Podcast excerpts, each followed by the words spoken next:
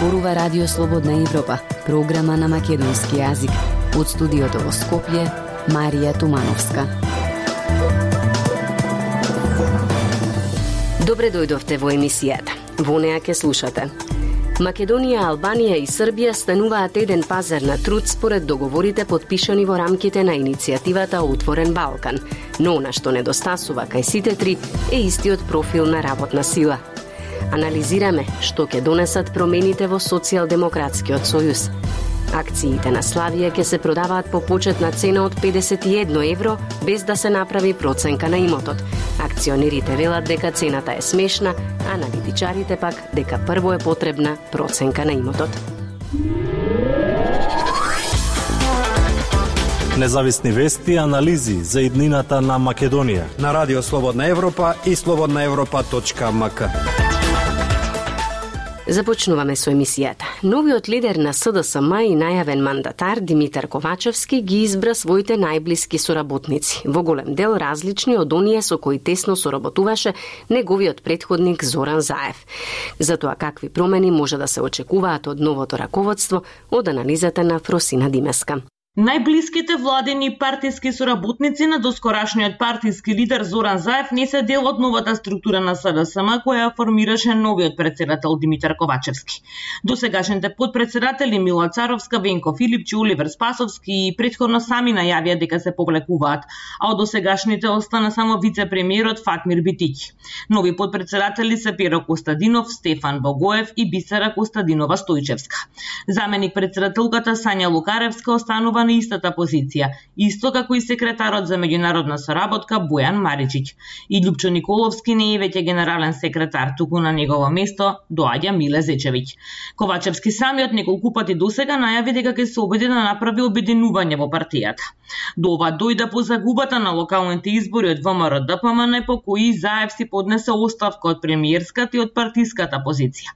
А тогаш дел анализи беа дека на гласање не излегле некои крила на СДСМ, особено Скопското, каде што изборните резултати покажаа пат на гласачите на владеачката партија. Ковачевски во првото обраќање по изборот на новите партиски тела повеќе зборуваше за идниот чекор кој му престои како мандатар за формирање на нова влада.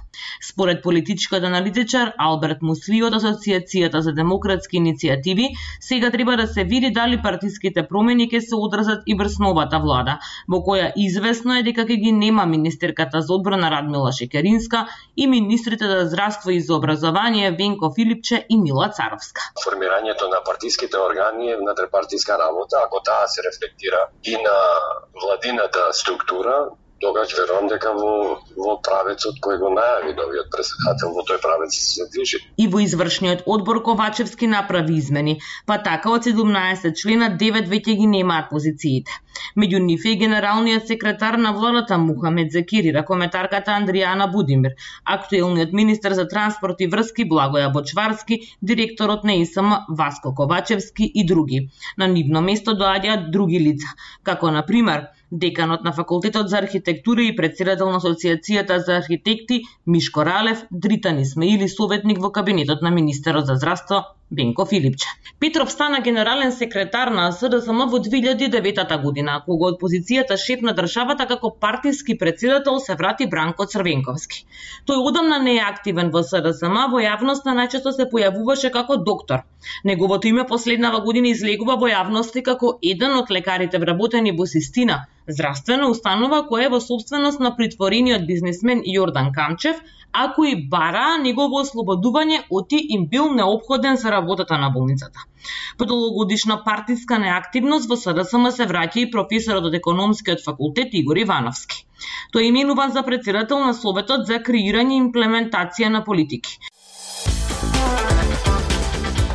Слободна Европа. Следете на на Facebook, Twitter и YouTube. Македонија, Албанија и Србија стануваат еден пазар на труд, но во сите недостасува медицински кадар, работници во гостителството, мајстори и квалификуван кадар за стопанството. За успешна соработка мора да има добра анализа на пазарот на труд, законски се да биде регулирано за да не се остави простор за манипулации, велат дел од стопанствениците по склучувањето на договорот со кој се воведува единствена работна дозвола на работниците од Македонија, Албанија и Србија. Пелагија Стојанчова на оваа тема. Дрилан Исин од Стопанската комора на Северозападна Македонија веле дека договорот е малку избрзан.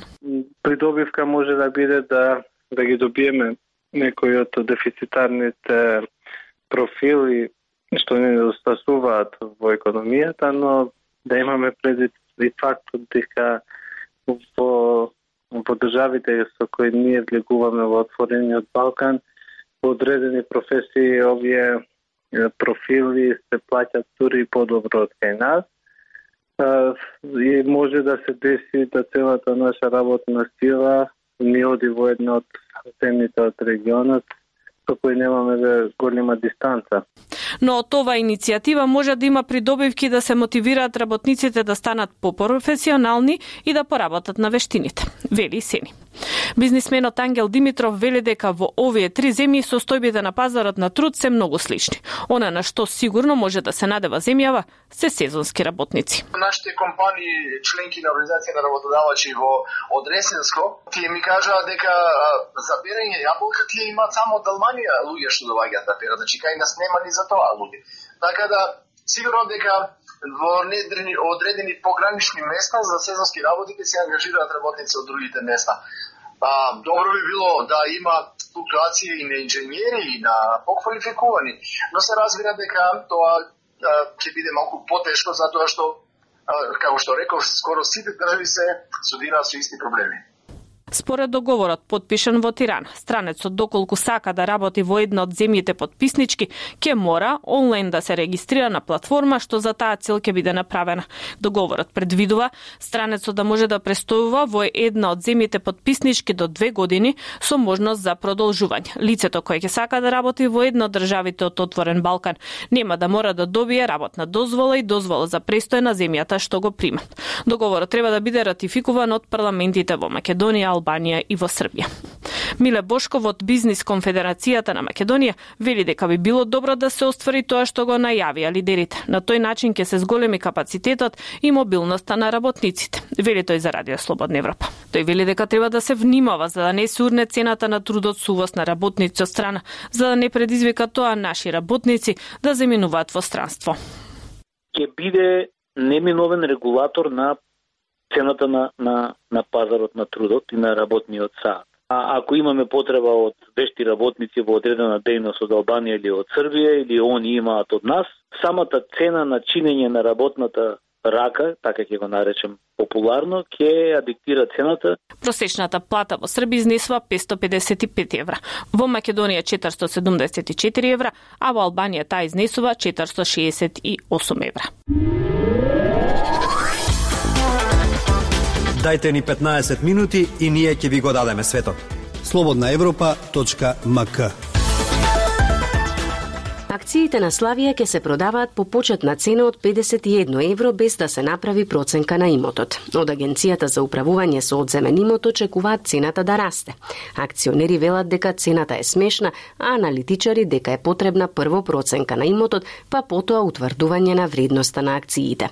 Повеќе на оваа тема може да прочитате и на нашата веб страница, а на прилогот работеше Марија Митевска. Известно е дека акциите на Славија ќе бидат ставени на продажба, бидејќи Агенцијата за управување со одземен имот не се откажува од намерата. Но прашањето кое се наметнува не е продажбата, туку вредноста на акциите од 51 евро, без предходно да се направи проценка на имотот на акционерското друштво. На продажба треба да одат 4285 акции со вкупен износ од околу 218.000 евра. На располагање на новиот собственик ќе биде имотот, но и долговите, рече директорот на Агенцијата за управување со одземен имот Па затоа на Сани на брифинг со новинари. Ние како агенција сме должни да вршиме продажба на акциите, затоа што доколку некоја компанија пропадне, тогаш агенцијата ќе биде главен виновник за оштета на државниот буџет. Објавени се акции на 11 компании најмалку на секои 12 месеци. Треба да биде објавена продажба на акции, што ќе биде ако утре Славија прогласи стечај, а ние не сме ги ставиле акциите на продажба, кој ќе биде одговорен? Јас ќе бидам одговорен, рече Асани. Мутната состојба сега се состои од 16 нелегализирани продавници у правната зграда, која се наоѓа на земјиште кое не е во собственост на Славија, магазински простори земјиште под истите во кисела вода но и сега вредноста на имотот е поголема од почетната сума за лицитација. Самиот Асани потврди дека во 2015 година управната зграда и магазинскиот простор се проценети на 7 милиони евра. Во моментов според Асани Славија должи речиси 2,2 милиони евра без пресметаните камати. Се обидовме да тапиме во контакт со менеджментот на Славија и телефонски и преку електронска пошта, но безуспешно. 2% од акциите на Славија се на други физички лица. Еден од акционерите кој сакаше да остане анонимен за да не биде ставен како што рече на тапет на јавноста вели дека најпрвин треба да се направи процена на имотот, да се утврдат оврските и потоа да се утврди вредноста на акциите. Акција по 51 евро е смешно, значи тоа е номинална вредност, а што е запишана во централниот регистер како основачки влог. Треба да се стават акциите на продажба по проценета цена. Моето лично мислење е дека не треба да бидат под 1000 евра, вели акционерот. И финансиските аналитичари кои ги консултираше Радио Слободна Европа велат дека логично е најпрвен да се направи проценка на имотот за да се определи вредноста на акциите, особено според нив во случај кога се купуваат мнозински дел од акциите или во случајот со Славија 98 Култура и уметност на Радио Слободна Европа. Од културата, романот Свинга на гневот од Жарко Кујунџиски е македонски представник за меѓународната книжевна награда Балканика. По скриени желби, немирни патувања од Владимир Јанковски, ова е втора година поред издание на Антолог да биде избрано за национален представник за оваа престижно регионално литературно признание. Деталите од Лјупчо Јолевски. Романот Свинга на гневот од Жарко Којунџиски се издвои како исклучително интересно и популарно четиво кое функционира на две рамништа. Тој е насочен и кон учените сладокусци, поточно кон оние што преферираат така наречена елитна книжевност, но и кон обичните искрени влюбеници во книгата. Романот и покрај комплексноста има убава динамика со која се доближува до динамиката на трилерот или уште по-конкретно до една суптилна комбинација од трилер и книжевна метафикција, при што целата приказна постојано ги подгрева вниманието и љубопитството на читателот. Ова меѓу другото ќе биде забележано во образложението на жири комисијата во состав доктор Александар Прокопиев како председател и професор доктор Весна Мојсова Чепишевска и магистер Александар Јуруковска, членови со кој романот Свинга на гневот од Жарко Кујунџиски, издание на Антолог, едногласно е прогласен за македонски представник за меѓународната книжевна награда Балканика. Убава вест ме дочека ова магливо и прилично загадено утро во Скопје. А тоа е дека романот Свинга на гневот ќе биде македонски кандидат за регионалната книжевна награда Балканика следната година. И освен номинацијата која што секако годи за секој автор, еден вид на балкански книжевен Оскар, она што подеднакво исто така ме радува и образложението, тоест прочитот што сум имал чест да го добијам од жири комисијата, која ги фатила баш онака најсуптилните слоеви на романот, на текстот. Тоа е дека ете тој функционира и како книга за љубителите на елитната книжевност, односно книжевните стручњаци, и ако таргетира и широката публика.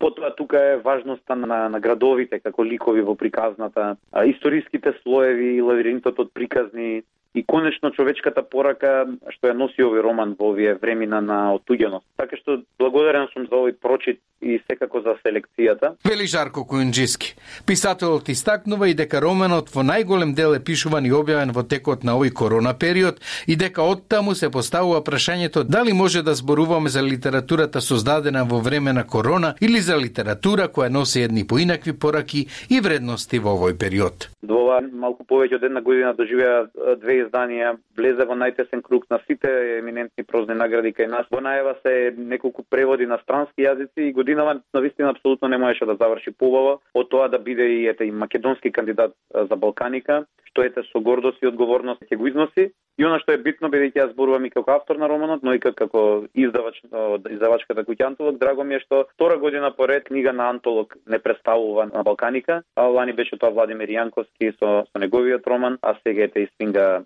на гневот. Ке рече писателот? Толку во оваа емисија ја слушавте програмата на македонски јазик на Радио Слободна Европа. Од студиото во Скопје ве поздравуваат Дејан Балаловски и Марија Тумановска.